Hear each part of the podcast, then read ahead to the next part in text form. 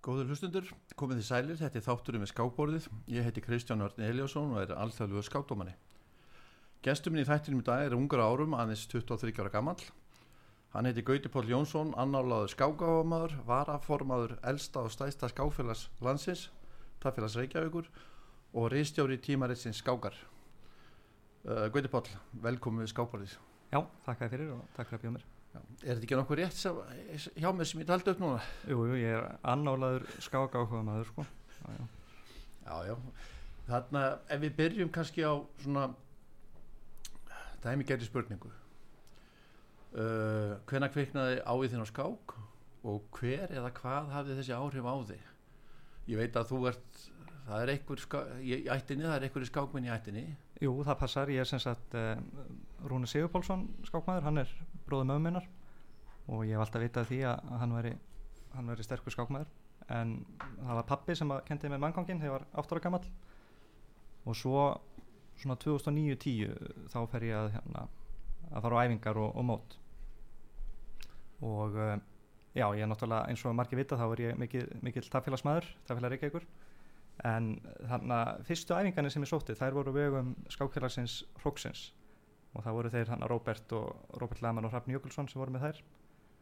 Og, og síðan já, voru þær svona að hætta á þessum tíma og þeir bentu mér á taffélagið og ég hef bara haldið treyðið það síðan. Já, já. Uh, Hvena, hvað, þú ert fættur 1999 Já. Nær því að vera fættur á sömu öld og, og, og taffélag Reykjavík sem er fætt eða var stopnað 1900 1900, 7. 7. oktober 1900 ekki satt? 7. oktober 1900, já, elsta taffélag landsins Þannig að hvað ertu gammal þú ert að hjá Hrafni og, og, og Robert? Ætli ég sé það ekki nýja ára og svo, já nýju, tíu ára, þá fer ég að mæta mót sko. En hvernig dætt er það í huga að, að, að, að byrja, hvað var það sem kvartiði til þess að mæta? Var, var, varstu búin að fylgjast með Rúnar eitthvað? Já, ég hérna telti nú, telti nú svolítið við hann eftir ef ég byrjaði að æfa skák og, og hann bara vann mig alltaf, hann var ekkert að hann var ekkert hérna hann var bara reyndi á sig og vann mig það er bara eðlilega gerur hann það ekki ennþá? Jú, jú, en nú er ég farin að fá aðeins fleiri vinninga Já, hann er rosalega sterkur skápar mjög sterkur sérstaklega í hraðskáki Já, mjög sterkur í hraðskák sko. Íll, íll viðraðan hann reyðu það sko. Já og hérna já, þú ert þannig hjá í hróknum og fer svo bara beint yfir í tér og ert búin að vera það síðan Já, ég sem sagt fer á æfingar í tér og ég get svo sem alveg sagt hvernig æfingarna voru þá af því að nú er ég svolítið farin að að stunda æfingarnar sko sjálfur að, að þjálfa og svona. Mm -hmm. en á þessum tíma þá var sagt, bara æfingar frá 24 á lötum og maður bara mætti og það var telt svona mót og með monrætspjöld og allt það. Og djús og keks í hlið og þetta var búið skemmtilegt. Var það Óli, Óli Há? Var... Nei, hann var hættur, þetta var hérna ég mann helst eftir Sigurlögu að stjórna þessum æfingum. Sem er fyrirvændi formað Já, fyrirvændi formað Sigurlögu Reykjana hann var formaður hann Óttar Felix þegar ég byrjaði, Óttar Felix Högson en sigurlega með hérna æfingarnar og tekur svo við sem formaður. Og uh, já og svo sem sagt ég sæki þessar æfingar alveg grimtan á lögutum og svo líka á mánudum hjá tafélaginu Helli. Og þetta var svona svipa koncept, þá var hann hérna Vigfús með þær, Vigfús Vigfússon. Já. og þá var líka svona telt og, og mánudagsbjöld og, og stund var pizza og svona. En hérna, en núna er svona aðeins meira áhersla kannski á líka kennslu og þjálfun. Ekki, ekki þessi bara telt og hérna og ég er sjálfur núna að þjálfa framhanslokk í tafélaginu. Og búin að gera það núna í tvö ár. Þurfa menn ennþá að vera með þessa beitu að vera með pítsu til þess að fá krakkan til að Já, mæta? það skemmir ekki, ég, ég hef nú allavega pítsu einu svona önn, ég mætti kannski hafa hann oftar sko. Það virka vel. Já, já. Já, sko það er mikið starf í tafélag Reykjavík þið eru hann í fagsafennu mm -hmm.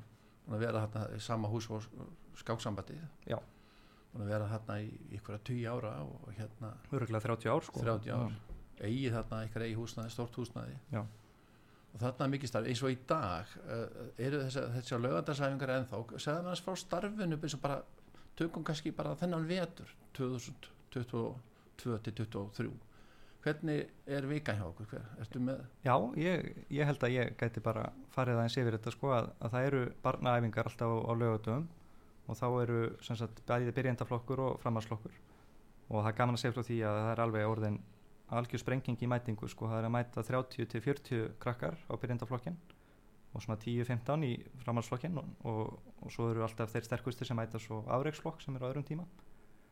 Og, uh, og þetta er sem sagt barnastarfið svo reynda líka eru ekki bara þessar æfingar heldur líka svona kapskákmót einu sinni mánuði. Nei ekki, ekki einu sinni mánuði það er svona þrissar yfir önnina hérna byggarsirpur kannski hirt um þær.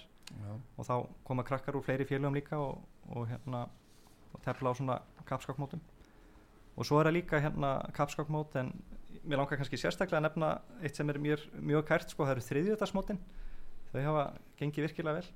Þú, þú settir þau á stað, ekki, sjálfur? Eh, Nei, því- reyn, reyndar ekki sko, það var hérna uh, Kjartan Mokk var formaður þegar þau byrjuði aftur.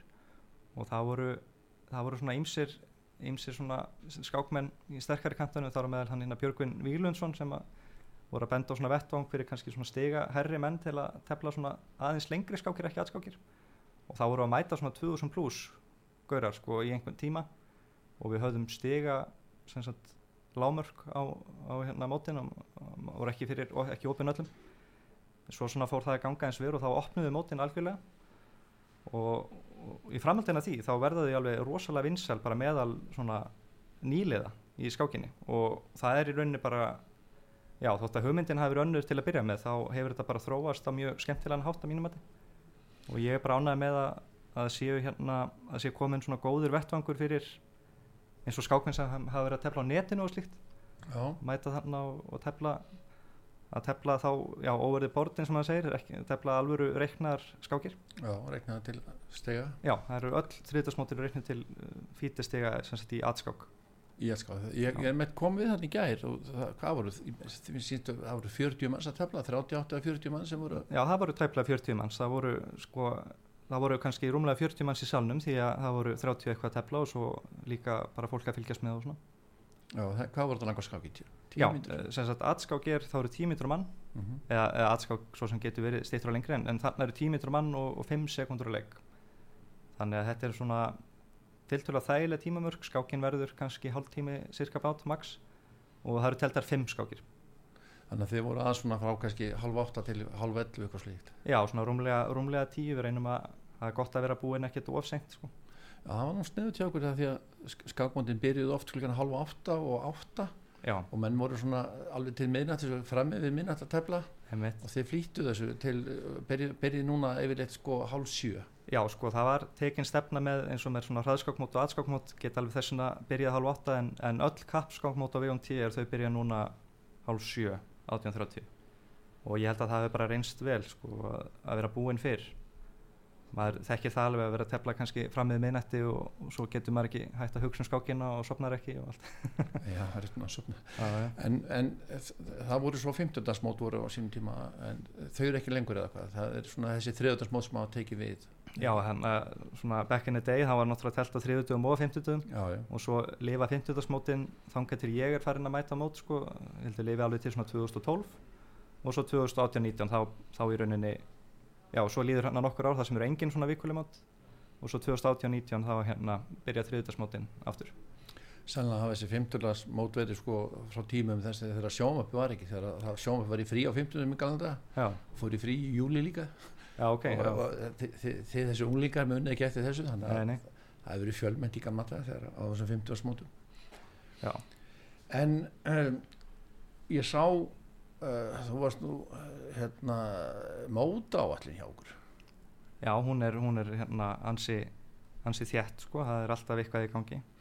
Ég fór inn á móta áallinan núna 2022-2023 í, er þetta alveg nýja áallin það er semst það er þrjöðdagsmótin svo sé ég að það er viðegarmótið í 9. júli er, er þetta já þetta hérna þannig málum við vexti að, að það hefur verið lengi vel mót á Árbæjarsafninu alltaf Já. í ágúst og það er sem sagt hluti að þessu borgarsögusafni Reykjavíkur. Og ég hitti fyrir að nei, 2019, það er svona rátt síðan. Þá hafði ég sambandið borgarsögusafn og, og við komum á stað á nýju móti í samstarfi við þau. Og þá í viðegarstofu sem er elsta hús í Reykjavík. Ég, ég held ég sé ekki að fara með fleipur hérna. Og, uh, og virkilega, virkilega vel hefnað og skemmtilegt mót.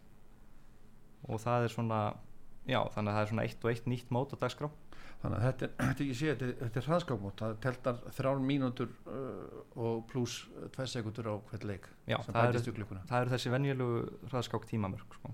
Já, sem menn, já, sem menn eru að nota í dag svona. Já, það var hérna áður fyrir að telt svona 5 mínútur á mann og engin viðbót sko. það gæti farið í einhverja steipustundum Ánægilega fyrsti sem kom þessum, þessum breytingum á Já, er já. fyrsti tími sko, Já, já, þegar að menn gáttu felt hvern annan það var bara telt alveg annars fjall emitt mikill hamagangur oft. Já, svo er, já, þessi þriðjöndarsmóti eru hérna áfram og síðan er, er borgarskákmótið hvað, 18. ágúst. Ég ráðu sér Reykjavíkur. Já, já, það er mót sem er haldið þarna í, í ráðhúsinu, glæsilegt mót. Og, og þetta var hérna einmitt í, í fyrra, þá var þetta hluti af svona sumar mótaröð.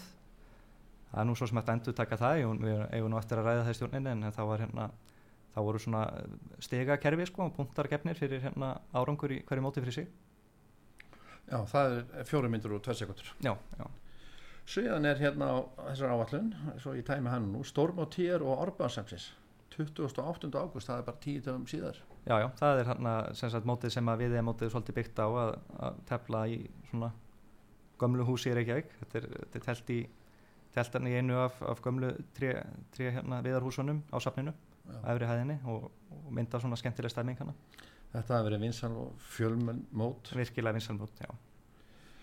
Og já, já, þarna ert í námi, stundur eitthvað íþróttir eða reyfingu Já, ég er í uh, sagfræði námi og er að klára núna í, í vor vonandi, ég segi það núna í útvarpinu það er eins gott að ég klári það bara.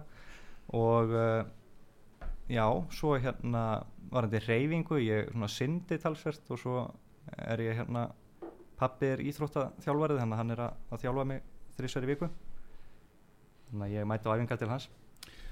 Já, þú, nefnir sundi. Þú, þú verið að starfa við í hérna, lögatislöðina Jú, jú, ég vinn þar svona aðra hverju helgi. Já, það er annar sterkur skákmaður allan einn, Jón Viktor Gunnarsson. Hann hefur verið það líka, alþjóðlugu mistari Jú, jú, hann er lítur að vera sterkasti sundlöfurður landsins.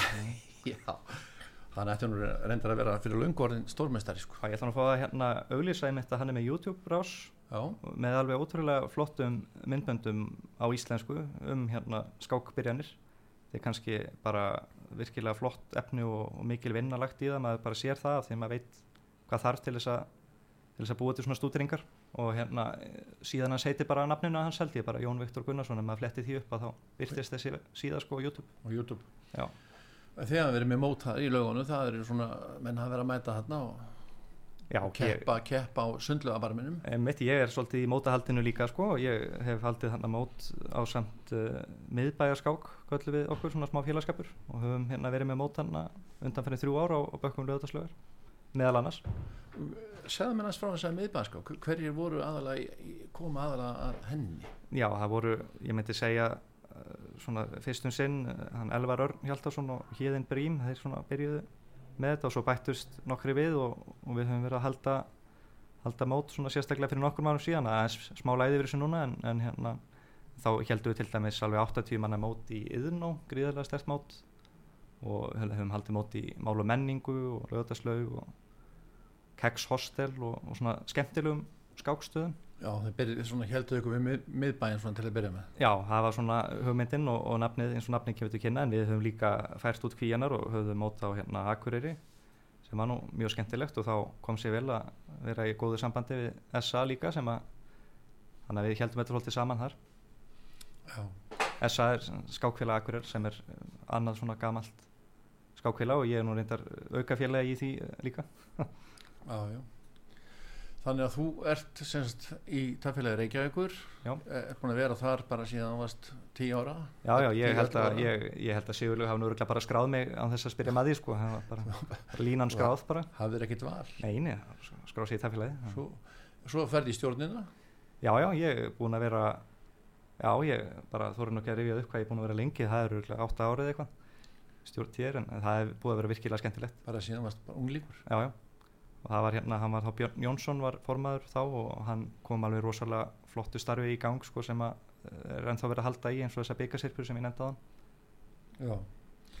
Uh, aðeins um þeim meira. Já, uh, uh, hvaða hernaðar á allir nota þú þegar þú ert nöðsynlega að vinna skák? Og svo aftur þegar þú ert nöðsynlega að ná jafntefli.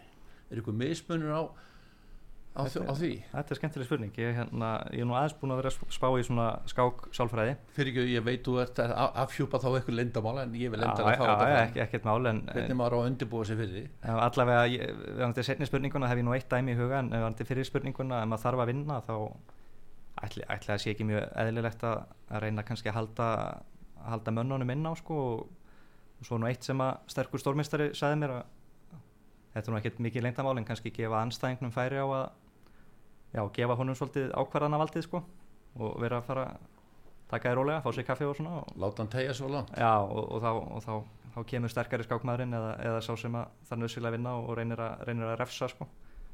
það er einhver tækni en, en ég hef nú bara einu sinni lent í því að þurfa nöðsynlega í aðtefli það var nú skemmtileg saga sko. Það var, hérna, ég var einu sinni Íslandsmeistari ungmenna, 22 ára yngri 2019 minni mig og það var í opnumóti og uh, þá var ég bara efstur hérna, á einhverjum búkólsstegum eða hvað sem þetta heitir. En árið, árið síðar eða, eða áður ég mannaði alveg þá, þá var þetta öðruvísi, þá var þetta svona lokað úlingamót og ég teldi við Vigni vatnar í síðustum fyrr og sem var mitt gestur minn hérna já, já, frábær skákmaður og hérna virkilega ok okkar næsti stórmeistari. En Vignir sem sagt hafði nú ekki átt neitt sérstætt móteldi en, en ég, með jættibli hefði ég tryggt mér sigur. En eh, svo fóra að Vignir vann skákina og, og verður Íslandsmeistari. En ég mætti þannig með kvítt og hugsaði sko, já, já, ég bara bara rólegur og, og skipti mjög snem upp á drottningum og hérna ég einhvern veginn svona bæði bauði upp á uppskipti og fór í öll uppskipti sem voru í bóði og, og svo kemur á daginn eitthvað endatafl sem er aðeins betra á vigni og hann bara vann mig mjög auðvöldlega þannig að þetta var kannski dæmi um ranga hérna, ranga leið þannig að kannski, ég velti því fyrir mér á mínu leveli og ég aðeins ofar að það, það er kannski ekkit til sem heitir að tefla upp á játefli, það getur kannski bara sprungið í andlita manni sko, að reyna það. Það er eiginlega hættulegt, maður kannski verður á passífur eða eitthvað. Ég held það sko, þetta er, þetta er, of, þetta er eins og ef að, ef að, ef að hlustendur þekki einhverja skákbyrjun sko eins og í franskri vörna að skipta upp bara strax í öðrunleik á, á peðum og, og ætla sér bara að ná jættefli að það, það eru til dæmið það að það bara skilir sér í rauninni akkurat öfugt maður tapir þessu bara. Þannig að já, en þarna skilt þessu. Já. er auðvelt að undirbúa sig eitthvað þér? Ertu fyrirsjónlegur eins og til mis ég, ég er mjög fyrirsjónlegur því ég er að tefla, ég er tefli vil sömu byrjarinnar. Já, já, bara pirkinn og, og já, hefðið byrgir já, og tefla þú oft sömu byrjarinnar þar sem er hvítu þá og svörtu? Hvernig, hvernig já ég, ég held ég sem nú svona geti verið þokkalega þokkalega hérna fjölbreyttur skákmaður. Ég kannski stundum með svörtu svona þegar maður í þegar maður í svona sömu systemin en svo kongsindin er með svörtu ég held svona triðið hann mikið en, en annars reynir ég nú að tefla fjölbreytt ég held að það sé betra. Kunna, kunna margt sæmilega. Þannig að það sé ekki uh, auðvelt að undirbúa sig eitthvað þér það að þú, menn veit ekki hvernig þú svarar. Já ef þú, ef þú ætlar að keira á sömu byrjun hérna með hvít og svart bara sama móti þessu sama móti þessu þá, þá eru svona tæknin í dag sko þessar vefsíður sko eins og tjessabúl og svona sem eru rafrænar skákbækur í rauninni sem er höfundur getur uppfært og, og verið með svona langa varianta sko að þá, að þá geta menn undirbúið sér mjög vel. Já, segðu mig kannski aðeins frá, fyrst að minnist á Tessebul hvernig, hvernig virkar það, sá vefur, hvernig hvernig er hann hugsaður? Þetta er hugsað þannig að þú hérna þú færið upp afbriðin og sem sagt þessa leiki sem að, sem að höfundu mæli með og svo getur þú æft leikina að gegn hérna forritinu. Að tölvan leikur leikunum sem sagt gegn þér og þú verður svo að leika rétt um svarleik. Og, og þér er refsað fyrir að leika raungum svarleik og þá þarf þetta að gera aftur sko, þannig að Já, þú, þú bara látið finna rétta leikin og, og svo heldur áfram. Já, en, en ég svona það þarf kannski að hafa smá varanakla fyrir þessu sko að, að menn er ekkert alveg að missa sig að hérna undirbúa allt sko því að maður þarf líka að vera praktískur, það er ekki allt sem að kemur upp það er hérna er kannski verið að óþarf að vera að stúta einhverja einhver, einhver afbreyði sem að er ekki fræðilegu möguleika að byrtist yfir borðinu sko en þetta er kannski þétti mann en, jú, jú. Ég sé nefnilega uh, skák.is náttúrulega vefur uh, skákreifingarinnar Já. þar er einmitt sko bara borði í Tessebul, er ekki hægt að komast inn á þetta bara með því að íta á borðan vantarlega Já, Það það ég held að, að ef ég ef það, ég held, held þetta sé hérna styrtaræðli Reykjavík Open sko þannig að þjásabul þannig að, að jú, þeir eru þannig að auglýsa síðuna. Já. Svo ég held maður áfram við, við, við að tala um þig. Já, alltaf er- gaman að tala um sjálf og sig. Já, já, hver er stæðsti gallið þinn? Eða mestu hömlu til að ná betri árangri í skáklistinni? Já, Hvað, er- hvað er það sem hefur kannski stoppað að, að vera, hafa náð lengra? Þú ert náttúrulega samt ert, þú ert vel yfir 2000 stig. Já, ég, ég held bara að þetta sé nú frekar einfalt að ég hérna ég held bara að ég ger ekki nógu mikið af því sem er raunverulega erfitt sko. Að maður svona festir sig í einhverju dúleri og hefur gaman að því að tefla og, og stúdira en, en maður þarf að setja bara nokkra tíma á dag bara í svona alvöru harða stúdiringar sko til að ná einhverjum raunverulegum árangri sko. Segjum að fara úr sko nú hefur ég hæst komist upp í 2.1 og 60 sko. Þannig að segjum á, á og svo er ég oft með svona performance upp á 2 og 2 en að fara upp í 2 og 3 sko það er bara krefst krefst kannski meiri vinnu en, en ég er að setja í þetta núna. Það er bara þannig. Það lítur að vera draumiðin að ver- verða allan að fítimeistar ekki? Jó, það væri fínt sko. Það er 2 og 3 2 og 3 þannig að þá, þá færðu þá já, svo náttúrulega er en þú eru að í 2 og 4 þá verður menn aldjóðliði meistarar og svo 2 og 5 stórmeistarar. Já, já, það var nú skákmaður sem að sagði mér að ef ég væri, væri duglegur að stúdira og geti mögulega orðið lélugur alþjóðlegu mestari þú menna það? Já, já, Vignir saði mér hérna í þættinu sko þegar hann kom með Halldóri Gretari þá hann bara va vaknar snemma og, og, og byrjar að stúdera þegar hann fyrir rektina og, og, og er bara að stúdera allan daginn. Já, Vignir er algjörlega með þetta á hreinu núna. Ég er mjánað með hans hérna, stefnu í dag sko.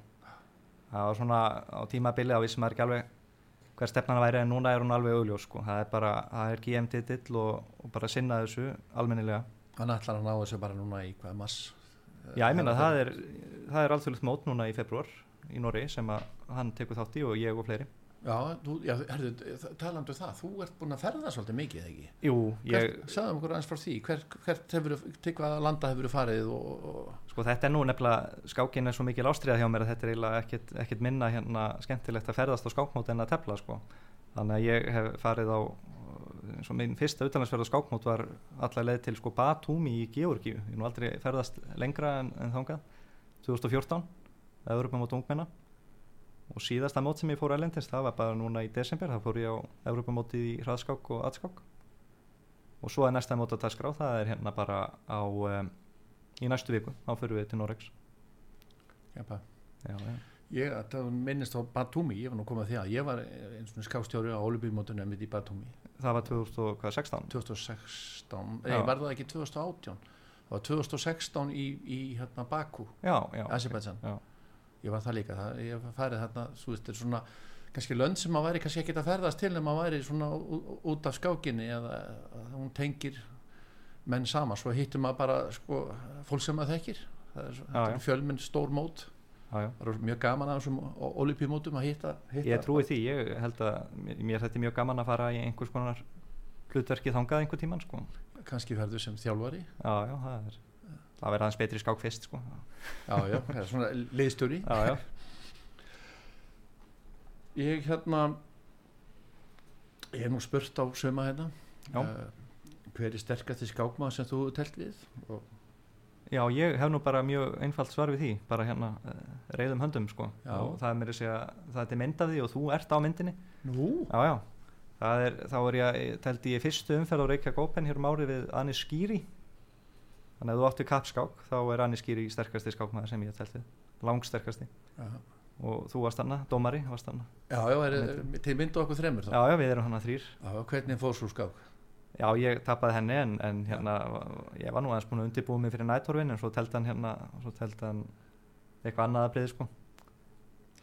Þá er náttúrulega næsta spurning hver er sterkasti skákmaður sem þú hefur unnið að gett jafntöfli við? Það er fyrst að það er ekki gýri hver, hver, manstu hver það er, kannski íslenskur og, elendur já, ég sem sagt hef unnið í ef við tökum varandi kappskák ég hef unnið ég hef unnið einhverja fjóra alþjóðlega mestara allavega í kappskák sko, þeir hafa þá kannski verið með 2-3, 2-4 í kappskák. En Já. stegasti maður sem ég unnið í reiknari skák það hlýtur að vera hann hérna Mats Andersen frá Danmörku. Hann, hann var með 2-6 þegar ég vann hann sko. Það var svolítið skemmtilegt, það var á hraðskákmóti hérna í fyrra. Það stóð mér nokkuð vel. Uh, ég spurði Vignir að því að hvað hann teldi marga kappskákjur á ári og hann heldur að sé búin að setja Íslandsmeti því, Ég veit, veit það ekki. Að Guðmundur Kjartansson sem er náttúrulega í, í, í taffélagi Reykjavík, það getur verið að hann Já, já. Gummi náttúrulega fer svolítið gest í þetta sko, hann, hann er öruglega á annað hundra skáki sem hann tefli stundum. já. hvað með þig, hvað heldur þú teflið mikið? Ég hef öruglega undanfæran ár verið að tefla hátt í hundra skákir á ári og uh, en já, þær eru kannski verða kannski aðeins færri núna svona aðeins meiri áhersla kannski á skólan og svona en, en hérna ég held að 60 til 100 skákir sé bara flott fyrir mann sem tekur svona okkur alveglega Já. og kannski þar meira en maður ætlar að, að ná, ná mjög langt skilði um, ég, ég það er svona spurning hvað við förum ekki bara í auðlýsingar núna og hérna en, en eftir auðlýsingar þá ætlum við að spila lag sem að þú hefur valið Já. Hvaða lag er það? Heru, ég valdi lagið uh, Second Hand News með hljómsveitinni Fleetwood Mac.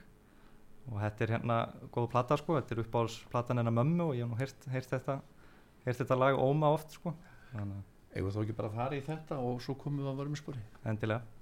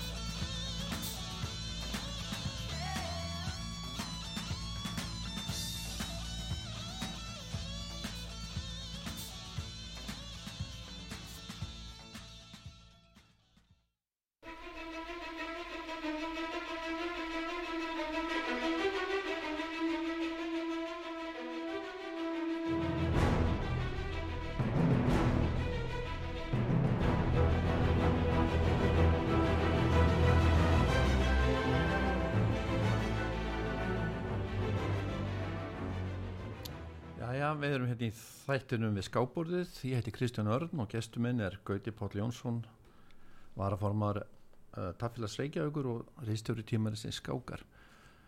Um, síðasta sömar, segðu mér aðeins frá því.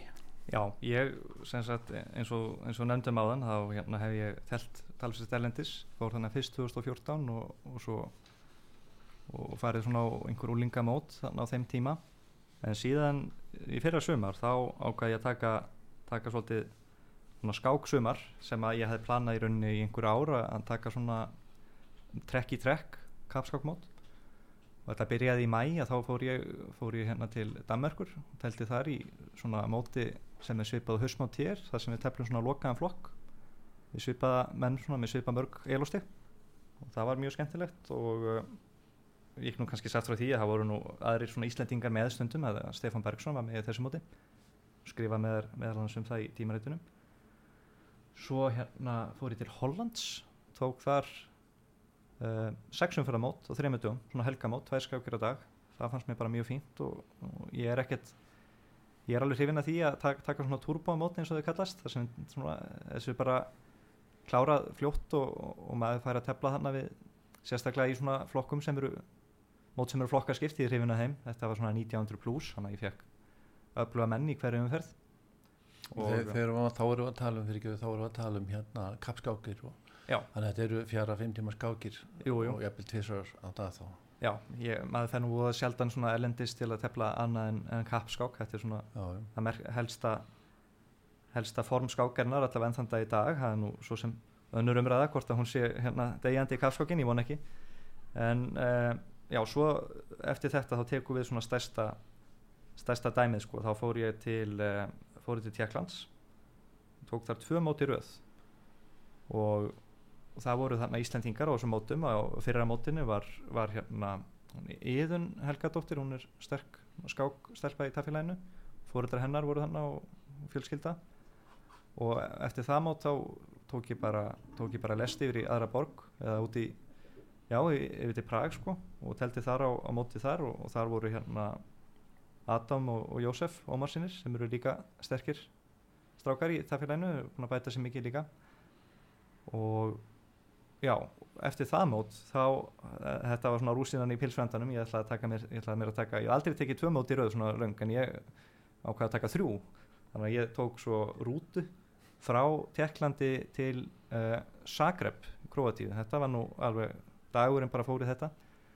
Og það teldi ég á móti sem heitir Európu mót áhuga manna við flokkum sem áhuga menn, við sem erum undir 2300 stig. Og já, það var hérna ég hafði stóð, staðið mig vel þarna í Tjekklandi og svo var svona kannski smá þreita farin að segja til sín og ég gerði svolítið mikið að jatteplum ekki að vera semja stutt, þetta voru bara að maður teldi við svipað menn og, og þetta einhvern veginn kvarnast alltaf út í eitthvað jattepli sko. En, en ég sé samt ekkert eftir þessu þetta var mjög, mjög skemmtilegt og lært um síkt og ég svona tók held ég svolítið mikinn skák þroska úr þessu ferðalagi og, og fyrir þá sem hafa áhugaði að lesa eitthvað eftir mig að þá skrifaði ég tvær greinar þriðið er nú en þá ekki komin, það hún, hefur, hún lætur býða eftir sér en, en ég er búin að skrifa tvær greinar sem sagt um mótin í Tjekklandi skrifaði grein um mótið sem, í Pardubice. Það er mót sem Íslandingar hafa reynda fjölmenta á hér áður fyrr. Og svo skrifaði líka grein um mótið í, í Prag.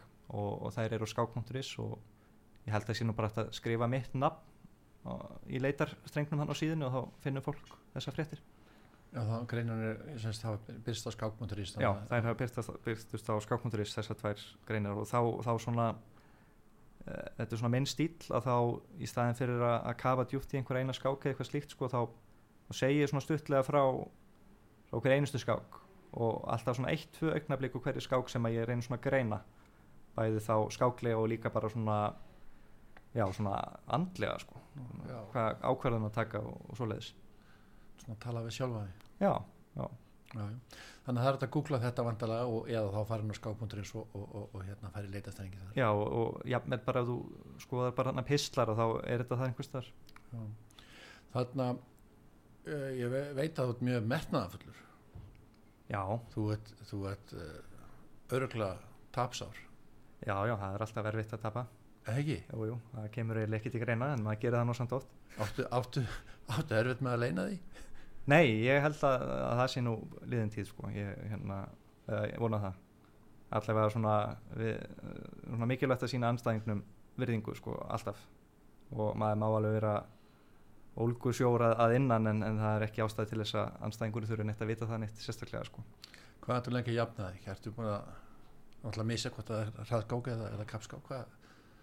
Já, ég meina maður bara fer að sofa á nýrnaður það þá losnar þið þetta má, ekki, þetta má ekki vera of sko, þetta á að vera vond því annars, annars er það bara eitthvað sprell sko, maður á að reyna að bæta sig en þetta má samt, samt, ekki vera of vond sko. það er hérna, það er mjög mikilvægt Já. Hvar, er, hvar finnst þið skemmtilegst að tefla? Hérna heima og svo eldis hvar? ég, sko það er nú bara, ég get bara nefnt eitt mót ég hef alltaf haft mjög gaman að ég tefla á Íslandsmóti skákvæla af því að það, maður einhvern veginn hittir alla sem að maður þekkir úr skákinni sko bókstaflega alla bara eiginlega. Nema kannski Guðmund Sigurðarsson en, hérna, en þetta eru virkilega virkilega hérna virkilega glæsilegt mót sko og hérna og ég er búinn að vera þarna í bjeliði tafélagsins ansi lengi. Og, og, og fæ, fæ bara þokkalega skákmenn hann í fyrstu deild sko, ég er ekki í úrvalsdeild. En já, ég hef mjög gaman að því móti og, en jú, það er náttúrulega mjög gaman að tefla erlendis líka þetta er svona fjölskylda hátti í skákmanna. Jú, jú, En uh, að þú minnist á Íslandmótið ég er hérna á heimasíðinu já, Taffélag Reykjavíkur, taffélag.is mm Taffélag Reykjavíkur Íslandmestari skákfélag 2022 Já, þetta kom skemmtilega óvart, þetta nefnilega þótt að tafélagi hefði verið mjög öflugt í mótahaldi og æfingarhaldi og slíku að þá, höfðum við ekki unnið þennan titil síðan 2008, minni mig. Þannig að það leiði svolítið langur tími. Höfðu verið önnur félög með sterkari sveitir og, og eiginlega þetta ár líka voru kannski sterkari sveitir og pappír en, en tafélagi vann að þessu sinni. Já, þannig eru hérna Þröstu Þórásson og, og hérna Marki Pétursson hann, hann, hann var að tefla þetta Já, ég hérna, hann er rosalega flottur sko, gaman að hann sé fann að tefla meira. Já, svo ég lesi þetta hennu upp, það er Guðmundur Kjartansson Mhm. stórmestari og Helgi Ás Gretarsson Yngvar Þór Jóhannesson Þröstu Þórásson og Bárður Örn Birkisson svo er það hérna Óli Sandris eh, er, Súlípa, Súlípa, frá Úkra, Hann er, uh, hefur verið að þjálfa landslið Ukrænu. emitt og og svo er Óli Sengo hann er líka frá Úkra Jú, það passar. og þess þeir hafa verið með þrjá útlendinga þetta og svo Mikael Mansori Jakobsen danskur strákur sem var teflið með okkur. og Björgvin Víglusson sem að þú nefndir hérna fyrir þættinum Já, já, hann hefur verið, já, var hann í þessu, hann Þessari sveit? hann hefur Já. tælti fjóra skákir ok, Margi Pétursson, Karl Þorstinsson já, Þorsteins. já. Þorstensi, Óma Salama, Daði Ómarsson Alessandur Ólfur Mæ Þorvaldur Fannar Ólfsson, Árni Ármann Árnason og Magnús Örn Úlfarsson þetta er liði sem, að, Þetta er lið sem að vann. sem vann Þannig að menn svona teltu mismarga skákir, þá nefndu við bara skipulega alla sem að, sem að komu, hvort sem var reyndfæð skákir eða, eða, eða allar. Já, og svo um, erum við komin núna inn í árið 2022 til 2023 Já, og fyrir hluti sk- við þessu skipti í tvent fyrir hlutin er búinn. Fyrir hluti sko hérna fyrir hlutin af, af, af hérna, Íslamótun er búinn. Mm og ég sé að Tafla Reykjavíkur er í þriðarhætti núna. Já, efstir eru vikingaklúburinn svo koma, kemur Tafla Garðabæðar en þið komið hérna stutt og eftir í þriðarsætti já. þannig verður ekki bara áttan bara hörðu núna í, hvað, í mass Jú, ég geri, geri fastlega ráð fyrir því og hérna við stefnum á, á titilvörn. já, það ekki? Og jú, Já, já, það þýr ekki annað. En mér langar þess að fara að venda mér aftur inn í, í félagslífið þarna í, í hjá tafleginu í TR mm Byrnukaffi, já, já. Óli og Byrna þau er- eru mikið hlekkur í starfi í TR og hafa verið það í ára tugi það, það var mikið hlapafengur fyrir félagið að fengi þau til starfa. Já, já, nú, nú er ég kannski ekki það er nú fleiri sem hafa verið lengur en ég í, starfinu en ég þekki ekki annað en að, Óli sé hann að skákstjóri mikið og byrna alltaf með kaffisöluna. Og virkilega skemmtilegt og setur, setur svona heimilislegan svip á félagið. Óli, Ólafur Áskilsson er alþjóðlegu skáldómari og, hefur verið í Reykjavík skápmyndan alltaf í TR og, og hérna. Birna Halldórsdóttir hún með vöflukaffi sitt og, Jú, og hérna og góða veitingar þannig að það er alltaf gott að koma í TR og tefla Þetta er, það, er erfitt að vera tapsár þegar maður getur bara fengið sér vöflu og kaffi eftir sko. Já, tekið smá sálfræða tíma já, hún, hún veitir hann að ókipið sálfræðastöð eftir slæma skákir En nú kennur þú skák í skólum Já, og þjálfa krakkana hjá já. Tefla Reykjavíkur Sagði okkur eitthvað frá því starfi Já, ég, þetta er svona tvö ár sem ég er búin að vera með þessar ræfingar hann í, í framhaldsflokki. Það eru svona þrý flokkar, byrjendur og framhalds og svo áriksflokkur. Og það hefur bara gengið vel, og náði einhverjum velunum á Íslandsmóti úlingarsveita og, og svo leðs. Og svo, já, er búin að vera svona 2-3 ár, komin aðeins inn í skólana líka.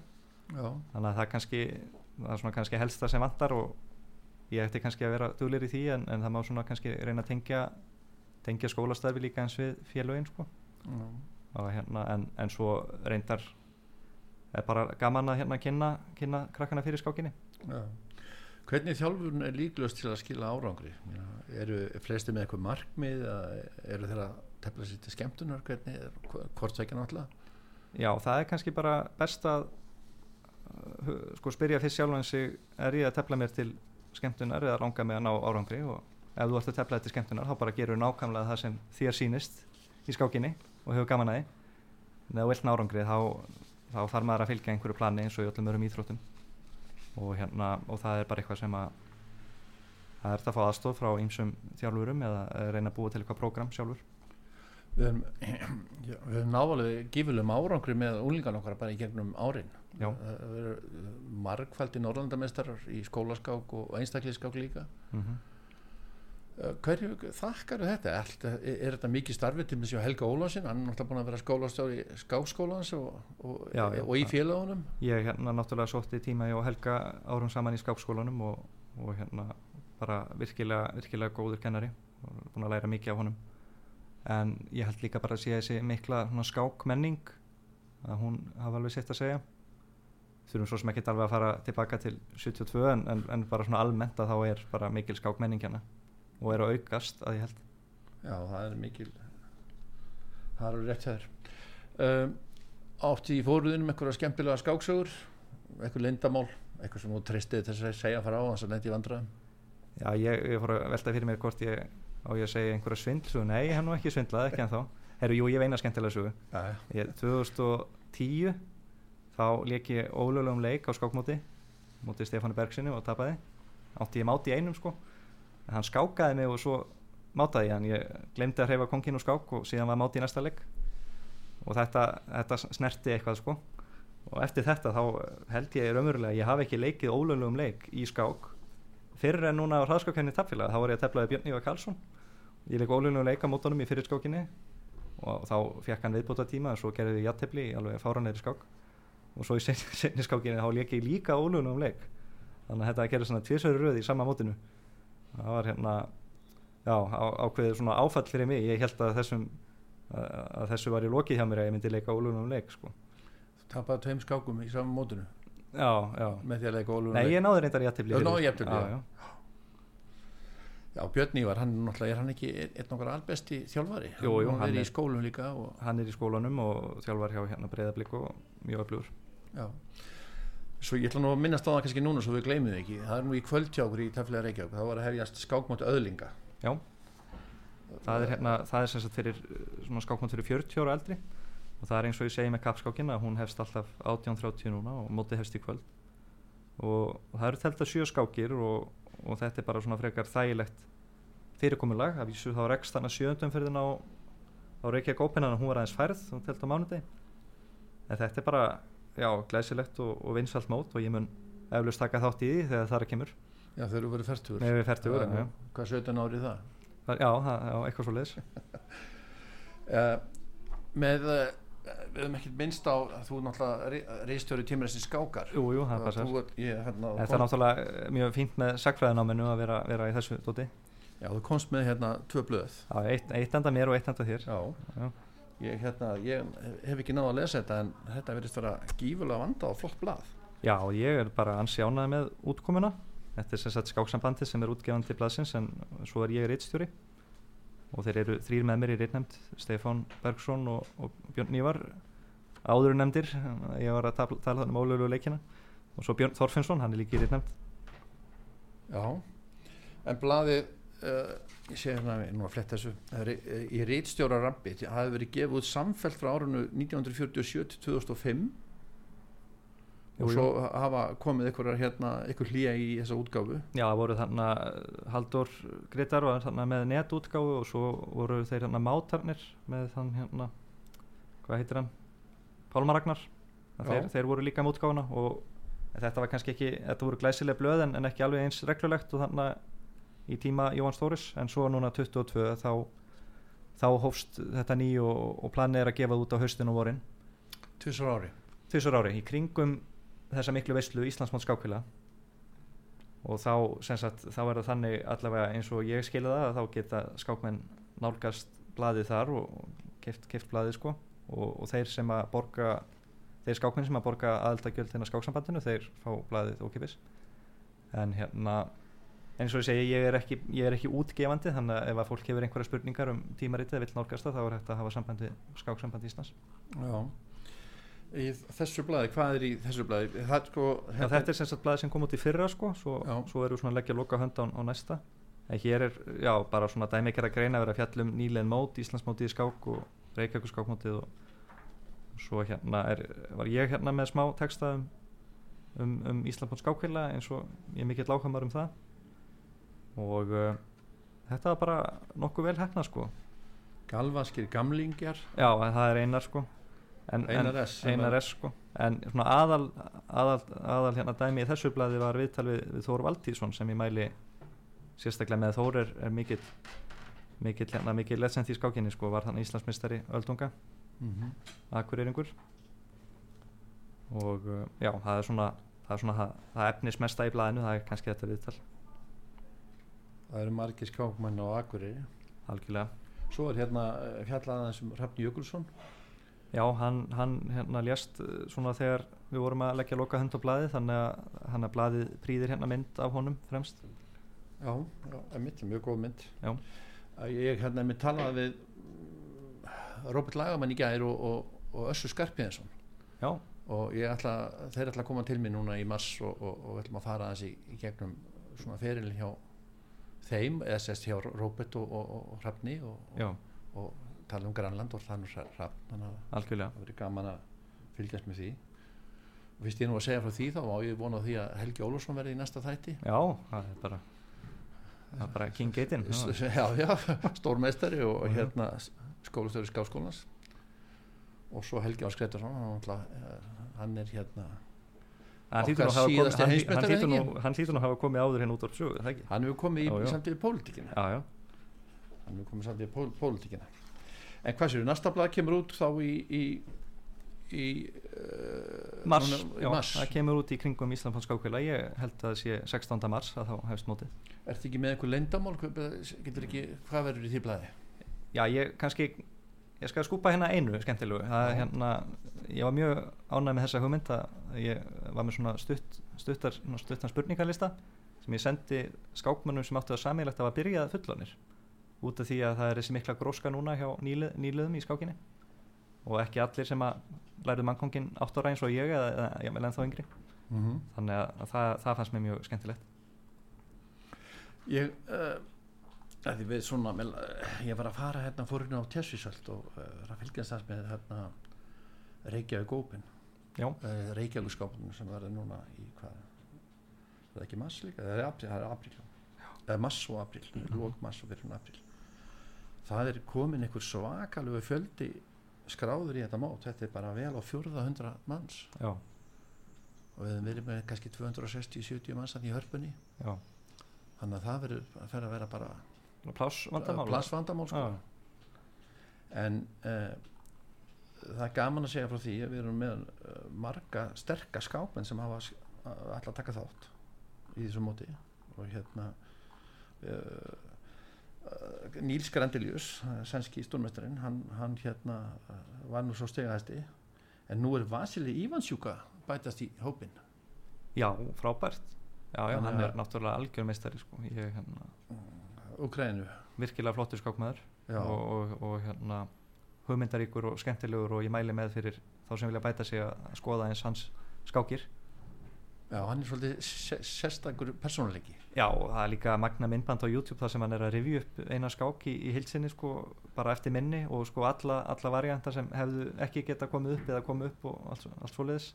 Ótrúlegt minni Ég sá eftir maður myndband með honum sko í velurnafinningu það sama gerist með Hannes Lífar eftir maður þegar hann var að taka við held ég, hann var Íslamvestari og ringdi sími hjá honum þegar það var ándunar velurnum og hann þurfti að fara fram og, Já, og fór í símanum með það, það var svona svipað með yfirsjúk það var anvæntu honum eitthvað velurn og held ég heimsmyndaramóti þá þá uh, kom eitthvað upp og hann bara sk- skreppa aðeins frá og Já, leta ég, ég, veit, ég, alla veit hvað, býða ég veit hvað kom upp hann var öfustekinn við að reikna út hérna, loka leikina í Dam hann var að spila Dam sko á saman tíma Já, meina það já, já.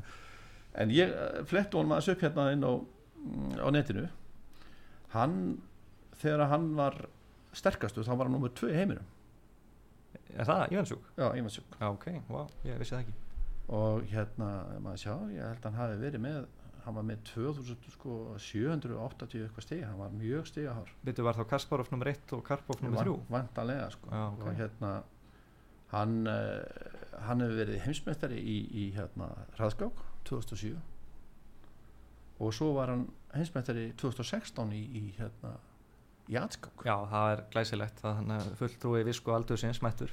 Já, hérna. og við erum að fá hann á Reykjavíkskamóti hann kom ekki bara með margir í Pétursinni Já, ætli það ekki, strákanir Já.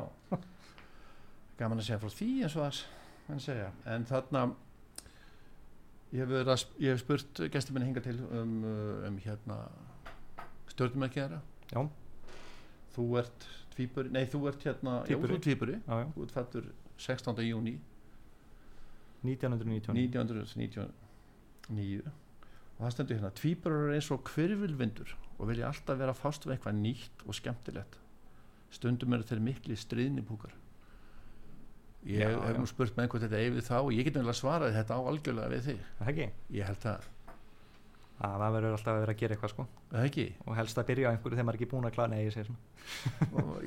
Hvað, hvað var að síða það sem þú gerði ég sá þarna þannig á Facebook sko, þú hafði verið byrt móta áallan hjá skáksambandinu. Já, það var bara svona ég fæ stundum fyrirspurni sko um hérna mót og það bara, heyrðu, hér er mótavallin hefur bara að skoða þetta og var auð. Já, já, það hefur byrst þannig sko, þegar þú smellir á hana. hana, já, já. ok. ég held að þú væri að stríða já, En uh, tíma okkur senn á þrótum Mm. er eitthvað sem að þú vilt koma að að segja lókum?